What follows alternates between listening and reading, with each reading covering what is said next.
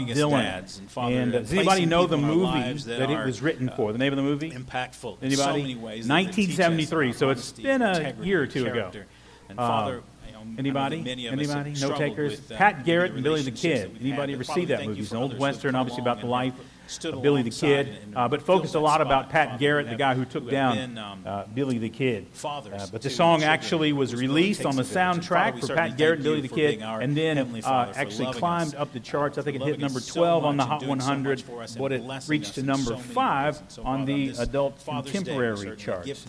That song, again, has been around so long. It's do in our been in that movie. It's been a lot of other movies. It's been used for. TV shows. Um, and it's also been covered by a bunch of different people. Well, anybody, anybody remember that song? Is, is First of all, anybody know that song? downswing, So we got a couple Okay. more Uh, today. And I didn't see as many week, people more singing this like week as they did last week when we So had George Strait. So selection that's telling me that y'all got a little bit called- country bent here. So, uh, anybody know who covered the song? Anybody remember another cover besides Bob Dylan? Guns N' Roses. Yeah, yeah. I thought about bringing out the bandana, but I didn't have the long red flock, locks here. So Guns N' Roses covered. It. Eric Clapton covered it. Um, actually, one of the strangest cover that I would have never imagined is the. Anybody remember the, uh, the the? She was a teen, I guess, when she came to Stardom. Avril Lavigne. Anybody know that name? Avril Lavigne. Anyway, she had a cover of it as well. So a lot of folks, it's been used in a lot of different ways. Now, interesting thing about this song, it's a little different than most in that it only has two verses. Um, one verse, chorus, two verse. Um, and, and, of course, different arrangements, different folks that have covered have had come up with their own arrangements. Interesting thing about the song, if you'll pay close attention, with the two verses, one of those verses, the first one is, you know, Mama, take this badge off of me. That song was written for the title character, Pat Garrett. And the second verse in the song was written for the title character, Billy the Kid. Put my guns in the ground, I can't shoot them anymore. So, um, again, very specific for the movie. Obviously, both verses deal with each character kind of recognizing their mortality, recognizing that they're nearing the end of their lives on earth. So they're literally knocking on heaven's door. So, as you probably guessed, the message today is going to focus on this idea of the inevitable, that each of us is knocking on heaven's door. And I don't want to be morbid about it, but it's something that we need to understand in, in trying to realize and think about our own mortality. So, as we think about that, I want you to understand that as we're knocking on heaven's door, we're reminded that there are no guarantees for today. There are no guarantees for tomorrow or the next day. But I also want to ask some questions about preparedness and what you're doing to help others prepare. How are you prepared, and how are you helping others prepare for this inevitable idea that we're all eventually knocking on heaven's door? So we're going to take a look at James chapter 4, verses 13 and 14. It says this Come now, you who say, Today or tomorrow we'll go into such and such town and spend a year there and trade and make a profit. Yet you do not know what tomorrow will bring. What is your life? For you are a mist that appears for a little time and then vanishes. Some translations say there, instead of mist, they say, You are a vapor that appears for a time and then goes away. So think about that for a moment. Let's pray. Father, we thank you for your word to us today. We thank you for how you continue to speak to us. And Lord, we just pray that your blessing would be upon this, this message and that your word would resonate through it. And that at the end of the day, we can all ask ourselves are we ready? Are we prepared for what's to come? And what are we doing to make sure that we're prepared, but helping others prepare as well? Father, we know that there are no guarantees in this life except for the promises that you make us. And Father, it's in Jesus' name we pray. Amen. Well, you know, we want to focus as we think about this idea of knocking on heaven's door. We want to start by focusing on today. You know, that passage in James says, you know, what is, you don't know what tomorrow will bring. But I can tell you this right now, each and every one of you is sitting right here in this service. Each and every one of you is sitting here to hear what God has to say and the message that God has to bring to you today. So we want to start by think about, thinking about what we can do to focus on today. We all know that life is fleeting, right? Life is, like it says, here today, gone tomorrow. Like a mist or a vapor, boom, and it's gone, it's out. You know, and the thing about it is, it doesn't make any difference if we live to be 108 years old. What's the oldest person on record? Anybody know? We looked this up the other day. I just happened to think about this. I think 121 years old, as far as written record. I think is the oldest person on record. I think as of this day, right now, there is someone I think that's still still alive that may be pushing 108. That's a long time. That is a long time. Anybody here over 100? I don't think we have anybody here over 100. Some of us might feel like we're over 100. Yeah, we got a few of those hands back there, right? Some of us might feel like we're over 100. And, you know, in 100 years, that's a century. Wow, that's a long time, right? But how long is that really compared to someone who is timeless? Right? You see, God exists outside the structures of time and space. God is timeless. And so, therefore, what is a long time to us really is nothing. And all of that, when you talk about eternity, all of that is just a drop in the oceans of the universe. One drop in the oceans of the universe. And even that does pales in comparison to what an infinity is. Because what is infinity? What's eternity? It goes on infinitely, right? It goes on forever. There isn't an ending, a beginning, there isn't an ending. God is outside of that. And, and when we move from this physical realm that we know and move on into the spiritual realm, then we'll move into that timeless eternity as well. No beginning, no ending. So life is fleeting, even if you're 108. It doesn't matter. And you, maybe you feel like you're, you know, you're one step closer to knocking on heaven's door. But in the light of all the events that are going on around us and all of the chaos in our world, you know, it might be easy for us to look around us and say, well, the world's going to, hand, hell in the handbasket right now, so come, Lord Jesus, come. You know? So, like, well, the world's just falling apart, so Jesus, why don't you come on back right now? Well, here's the thing God has a plan. We don't know what that plan looks like. And, and although when we see all the chaos around us and all the craziness around us, it's easy to think, man, I, wow, God, you just, you know, send Jesus now, just Jesus, come on back because, the, the, you know, how much more of this can we take? But God has already been there. He already knows, and He's already preparing the way. But if all we do is look at what's going on around us and say, Come, Lord Jesus, come on down now, then the thing is, I think that we're, we're missing something. You know, again, asking Christ to return and set things right is not necessarily a bad thing, but we can't speed up or slow down what's already predetermined by God. And only He knows the day and the time. You know that, right? So when somebody comes out and say, well, you know, all of these things are telling us that the world is going to end, and I'm pretty certain that with our mathematical calculations and following the Hebrew texts of the original Old Testament and, and all of the signs and all of the wonders and all of the things that are going on, that I can tell you without a, uh, without a doubt that the world will come to an end on February 26th, 2021. Now, I'm pretty sure that if someone comes out and does that, it doesn't make any difference how many statistics they point to, how many symbols that they pull out of Old Testament Hebrew and Aramaic texts. I can pretty sure, pretty sure that that's not going to happen on that day. You know, because Scripture tells us that, that Christ's return will be like a thief in the night. Matthew 24, 36 says this, but concerning that day and hour, no one knows, not even the angels of heaven, nor the Son, but the Father only. Our Heavenly Father, God Himself, who has predetermined that time, has preordained that time, He knows when it's going to happen. And anybody who would tell you otherwise probably has some swampland to sell you. We have no idea. Now, can we say that we're closer? Absolutely. But every day is one day closer to the end. Does that mean that it's going to happen tomorrow, next month, next year, next week? No. Could it happen tomorrow, next month, next week? Absolutely, if that's what God has determined. But don't believe when somebody tells you that they know the exact date of Jesus' return or the exact date of the end of the world. Only the Heavenly Father knows. This is very plain in Scripture. So it may be easy for us to think about those things and think about Jesus' return and think, you know, well, if I know Jesus Christ is my Lord and Savior, then I'm secure in where I'm going to be, so come on down, Jesus.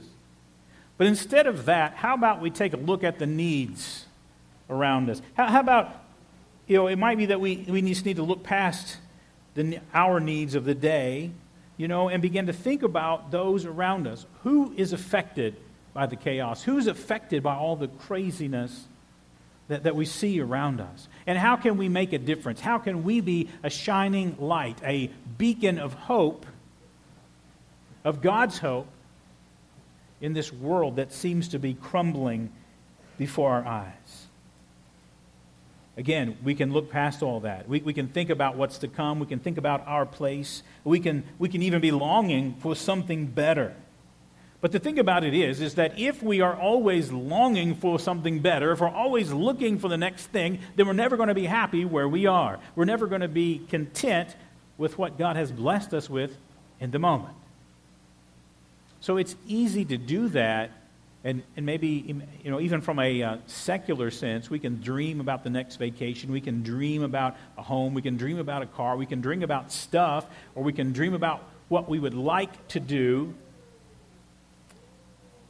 and those aren't necessarily bad things, but when we become so focused on that, when it consumes us and, and eats away at our time and eats away at our money, then we've lost our focus. And we need to return our focus back to today. Look around us. Ask ourselves, how can we love God and serve God by loving and serving those people right around us in the midst of the chaos?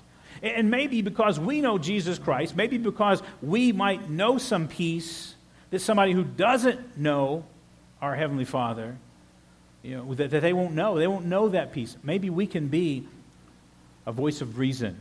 Maybe we can be a calming hug, a reassuring talk, whatever it might be, because we know if we're followers of Jesus Christ, we know and we have that sense of peace and we have that security.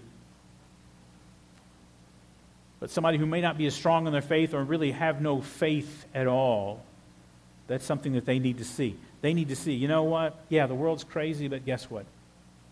We pick up the pieces and we move on. And I can tell you that all in all, it, it really doesn't matter as much as so many people would tell you it matters because what's greater is this that I have the love of God in my heart and that I'm going to reach out and try to share His good news, His love with all of those around us, serving other people. Again, it's crazy out there. The world has gone crazy. They need some security. They need some sensibility. They need some reason. And who better than those who are followers of Jesus Christ to help uh, set the ship right? To help stabilize things, all through God, all through His power, so that He gets the glory. Not so people say, hey, look at this person. Wow, you know, and all the craziness and all the things that are falling apart, man, they've got it together. They, uh, you talk to them, and it's like, it's like nothing's even going down, nothing's even going on around here. They just, they just seem to be stable. They seem to have it all together. And there's an opportunity then to share. Why is it that we can have it all together? Because of our relationship with our Lord and Savior, Jesus Christ.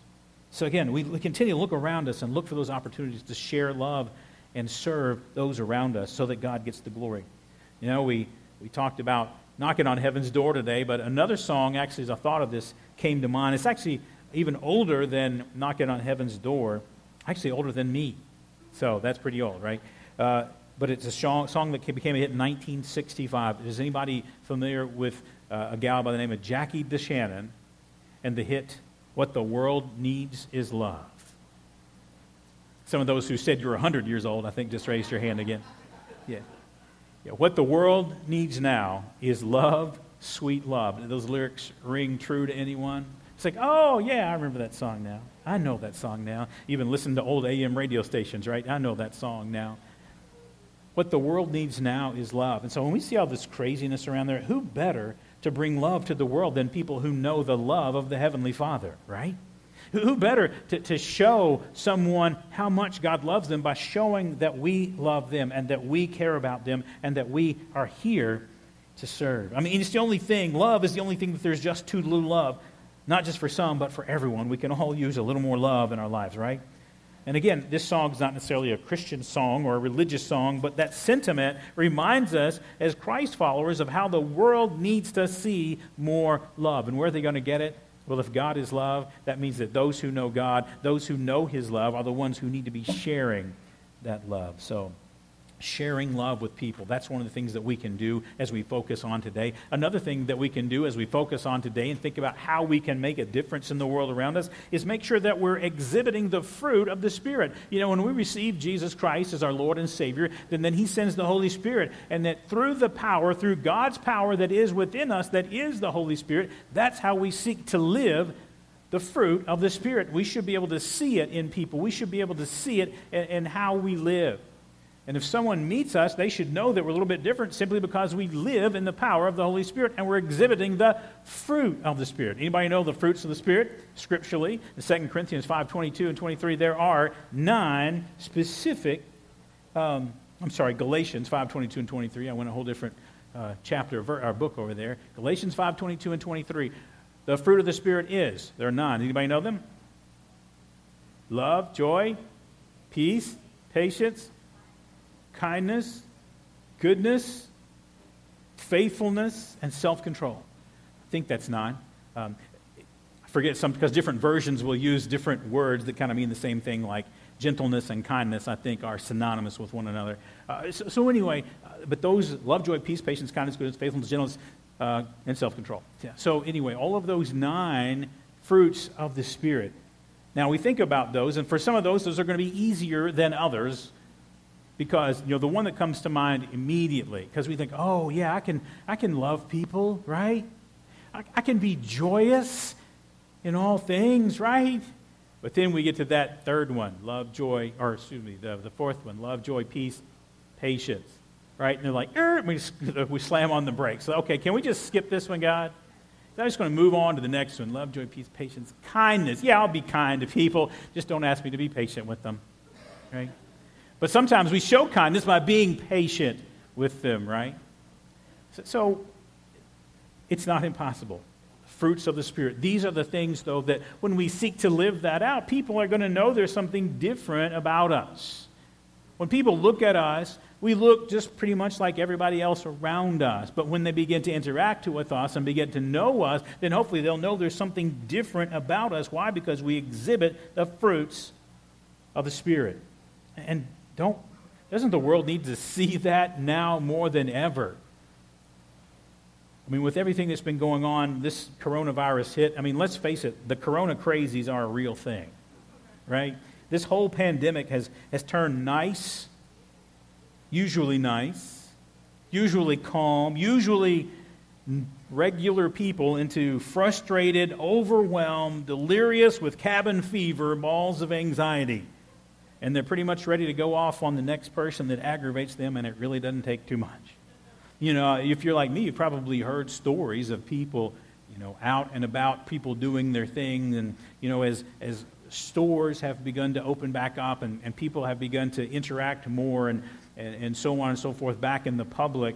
But things are different, right? So you go to the store and you can't sit in your favorite, you know, or you can't go down the aisle because there's two people in the aisle and you, you, got a social distance, you can't be next to them. Or you go to the restaurant, you can't sit your favorite booth because they've got it taped off because it's part of the every other table or every other booth, whatever. You know, so things are different and that maybe doesn't suit us very well. Um, and so it's easy, I think, for people, well, this isn't normal. This isn't the same. Well, people, it's not going to be the same. You know? We're just in it for the long haul. Things are going to be a little bit different. We alter, we go on. But as followers of Christ, we adapt, we adjust, and we approach it with joy and patience for those who don't have as much joy, right? Uh, but, but I've heard people, I mean, people who, you know, the little lady who is always sweet and always nice, but when she goes to the store and she can't find, you know, that her favorite brand of sugar-free jello because they're all sold out, who knows why, and, and she throws a fit at the counter because she can't find what she's looking for. So, normally nice people, normally calm people, normally stable people, this whole thing has got us all kind of off our rockers a little bit. So, we as followers of Christ, as we focus on today, this is one of the, the, the, areas today that, that rings home with us that we can make a difference by providing stability, by providing calm. I mean, let's think about it. What does God do for us daily? What are some of the daily needs that God meets for us?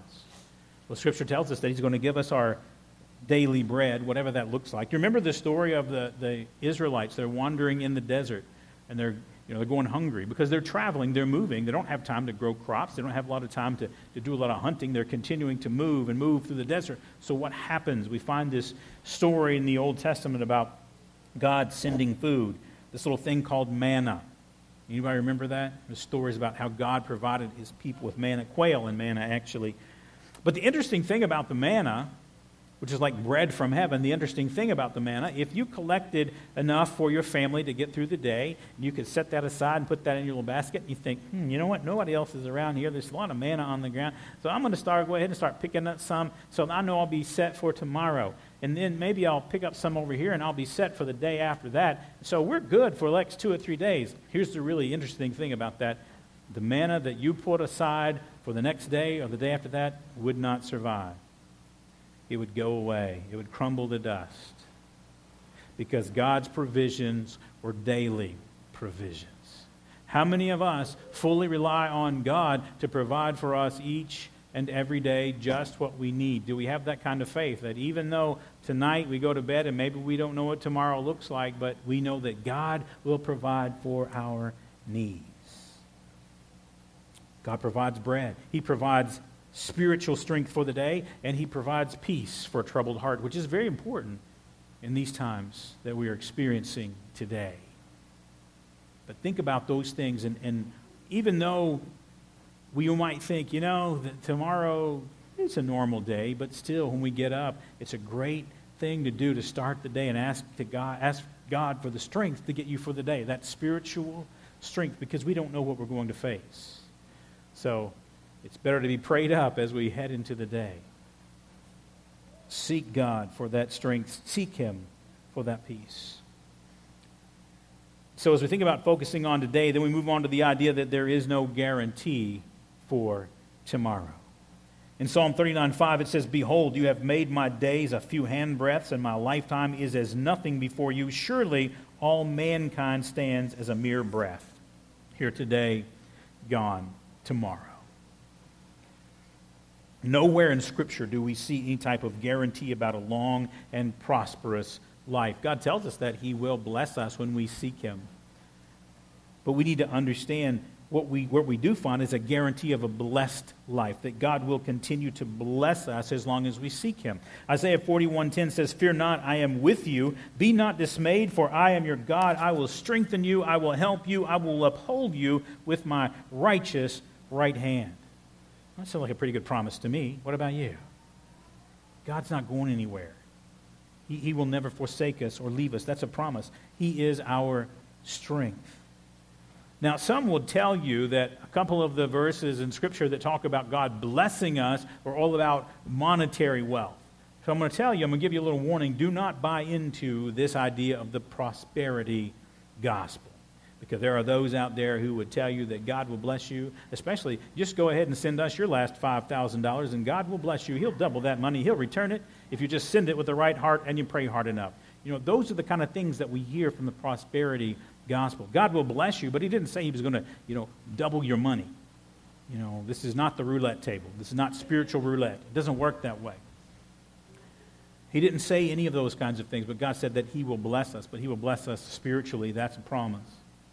And that's exactly what he's talking about. He will, I mean, because really, you think about it, everything belongs to him anyway, right?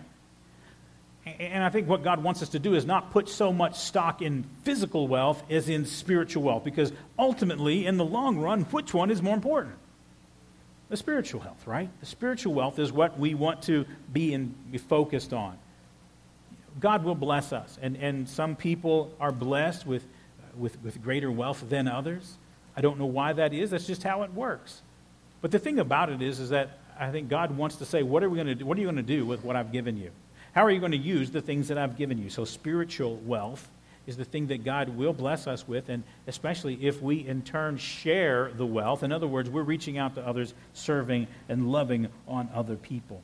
So, but the prosperity gospel will tell you that if you give enough money, if you pray hard enough, if you just have enough faith, if you do all those things, then God is going to pour out wealth on you. He will heal you of all your illnesses. And if you get sick and die, well, you just didn't pray hard enough. But that's the kind of thing that they'll preach you, that they will preach to you, and the kind of thing that they will tell you. Don't buy into that. Because I want you to understand one thing, and this is difficult for, for those of us, you know, when we cling to our loved ones. If we have someone who's sick, someone who is, you know, heading, they're literally knocking on heaven's door, and, and you know, we know that they are in the end of life. It's difficult because we love them and we physically want to be able to touch them and hug them and, and talk to them and so on and so forth. But understand that if someone dies in Christ, death is the great healing. Because dying in Christ means that they have moved on from the sicknesses and the restraints of this broken world into a, an eternity that, that all of those restraints, all of those chains are now gone. So, knowing Jesus Christ when you die in this life is, is freedom. And so that is the great healing. And so it's difficult for us because we look at it from an earthly perspective, but we try to see things from a godly perspective. So that's a very difficult place and a difficult thing to do. But I, I know that God gives us strength as we deal. Not that it's easy, it's never easy, but I think God gives us the strength to get, deal with those kinds of things. Again, we have no guarantee for a lengthy life. And so that moves to the last point this morning, and this idea that we need to prepare for the win. We don't know when the win is happening, but when it comes, when the time has come for us, whatever that looks like, we need to make sure that we are prepared and we are ready. I've, I've seen uh, little stories about tombstones. You know, most tombstones have, in the beginning, they've got a birth date.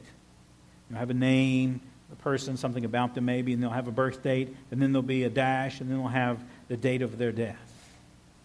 But you know, the important thing on that tombstone you know, the name of the person, all of that information that's there. You know, the important, the most important part about the tombstone that it doesn't really say anything about is, is really one of the most inconspicuous parts, and that's the dash. Because you see, from the moment that you were born and you began living to the moment that you passed away, what's really important is how you live the dash. How you live the dash. What you do with that time that you've been given in between. That's what's really important. So, what are you doing to get ready? How are you living your dash to get ready for the end date, for the, this life's end? Well, first and foremost, I hope that you've given your life to Jesus Christ. Acts 4:12 says this, this Jesus is the stone that was rejected by you, the builders, which has become the cornerstone, and there is no salvation in no one else, for there is no other name under heaven given among men by which we must be saved. Jesus is, has always been, since his resurrection, the only way to an eternity in heaven with our Heavenly Father. There is no other name under heaven. Jesus himself said in John 14, 6, I am the way, I am the truth, and I am the life. And no one, emphasize that, no one comes to the Father but by me. Jesus is the only way. You know, today is an information age. And, and today is a day that we've got all kinds of information at our fingertips. You know, uh, you know, back in the, when the computers came around, back in the 60s, they had a, rooms full of banks and computers and, and printers and printouts and all this kind of stuff. And all of that information that was stored upon that row after row after row of big machines is now pretty much pales in comparison to what we have and we keep in our little hands, you know, our hot little hands we keep in our pocket or our purse. And we have access to so much information. You know, the thing about it is, is that there's so much information out there now, it can't all be right. It can't all be true because what we've found with the internet is that you can go on the internet and you can make a statement and have nothing to back it up whatsoever. But somebody will take you for the odds, God's honest truth. Don't believe everything you read. You ever heard that one before? Um, I think I first started hearing that back in the days of the Enquirer. Remember the Enquirer when the Enquirer got big? Don't believe everything that you read. There's so much stuff out there. And people can come up. People with degrees and people with titles and people with recognizable names can stand up and say something, and somebody's going to, oh, well, they said that. It must be right. And they're going to believe them. But the reality is, when it comes back to eternal life, Jesus is the only way. Oh, well, you know what?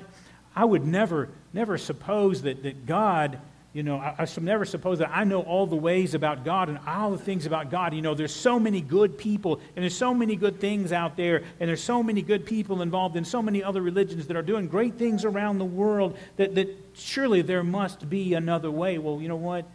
They didn't write the book. I don't care how much they know, how, how famous they are, how many degrees they have behind their name. They didn't write the book. They didn't set it up. They didn't establish how this works.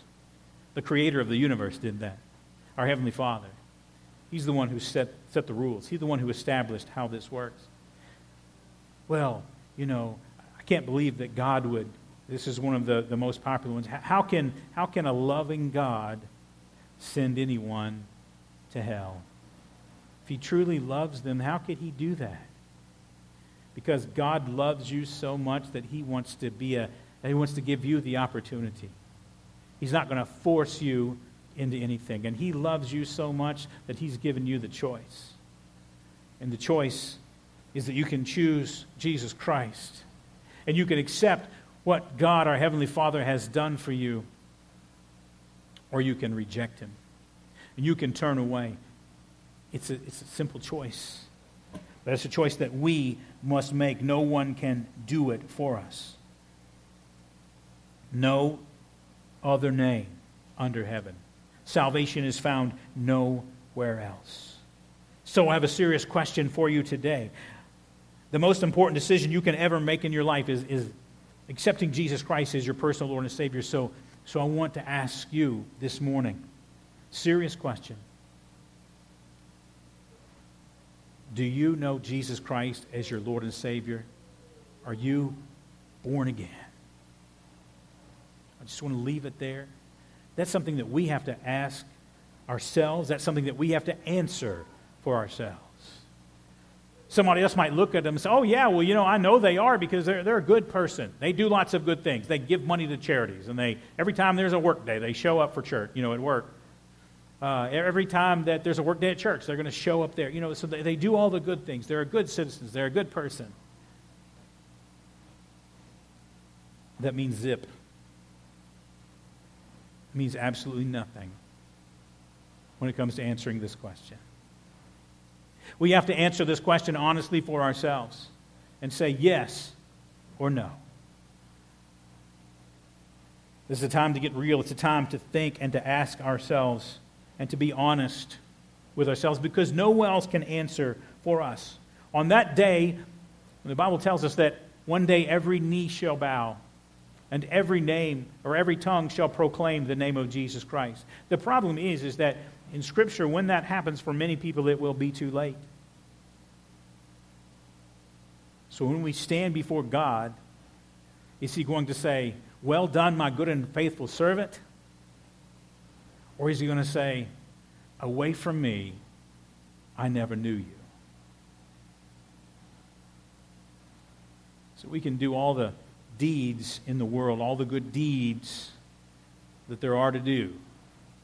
But without Jesus, in the end, knocking on heaven's door, without Jesus, no one answers.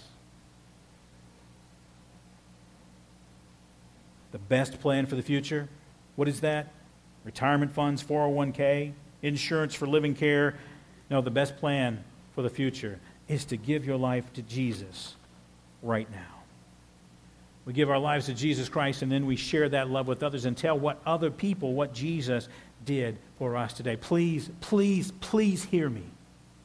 As your pastor, one of the greatest fears of my profession, my job, one of the greatest fears of for me as your not just your pastor but as your friend, one of my greatest fears that you've got a false understanding of what it means to be a faithful follower of Jesus Christ.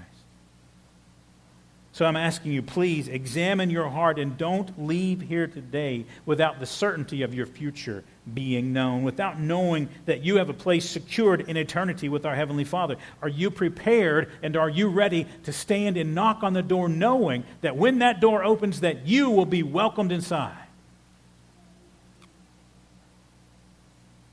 You see, we're all knocking on heaven's door.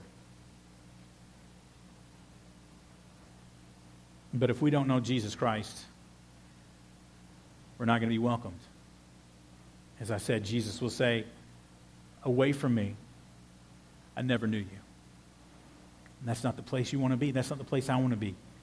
And so that's a great fear that I have as, you know, as your pastor and as your friend. Please, please make sure. If you're here today and that you aren't certain about any of that, it, you know, it's okay to have doubts. We have each other. We, we come, we sit down, we have those conversations. And when we walk away, you know, God will help us to know beyond a shadow of a doubt where we stand. I think we just ask Him and, and have Him help us point the way. We can talk to others who can help us in determining that, help us, help point us along the direction, the right way, the right path. Again, so God gets the glory for it. I'm not here to be a naysayer. I'm not here to, to rain on your parade. I'm just here to say that this is the most important decision you will ever make in your life, and that is knowing that you are a follower of Jesus Christ. Recognizing that we are a sinner, and that no matter how little sin that we do, one sin, one tiny little sin, because we lied about getting into the cookie jar to our mom when we were eight years old. That one little sin, as small and tiny and oh, it's just a little white lie, as little and small as it is, that one sin keeps us from achieving perfection. And God is the measuring stick. And if we can't measure up, then we have no chance. What we deserve is hell and death and damnation, eternity apart from God. But Jesus Christ died so that he could stand in our place because he's the only one that can do it, because he's the only perfect one, the perfect lamb, this perfect sacrifice who died to take our place.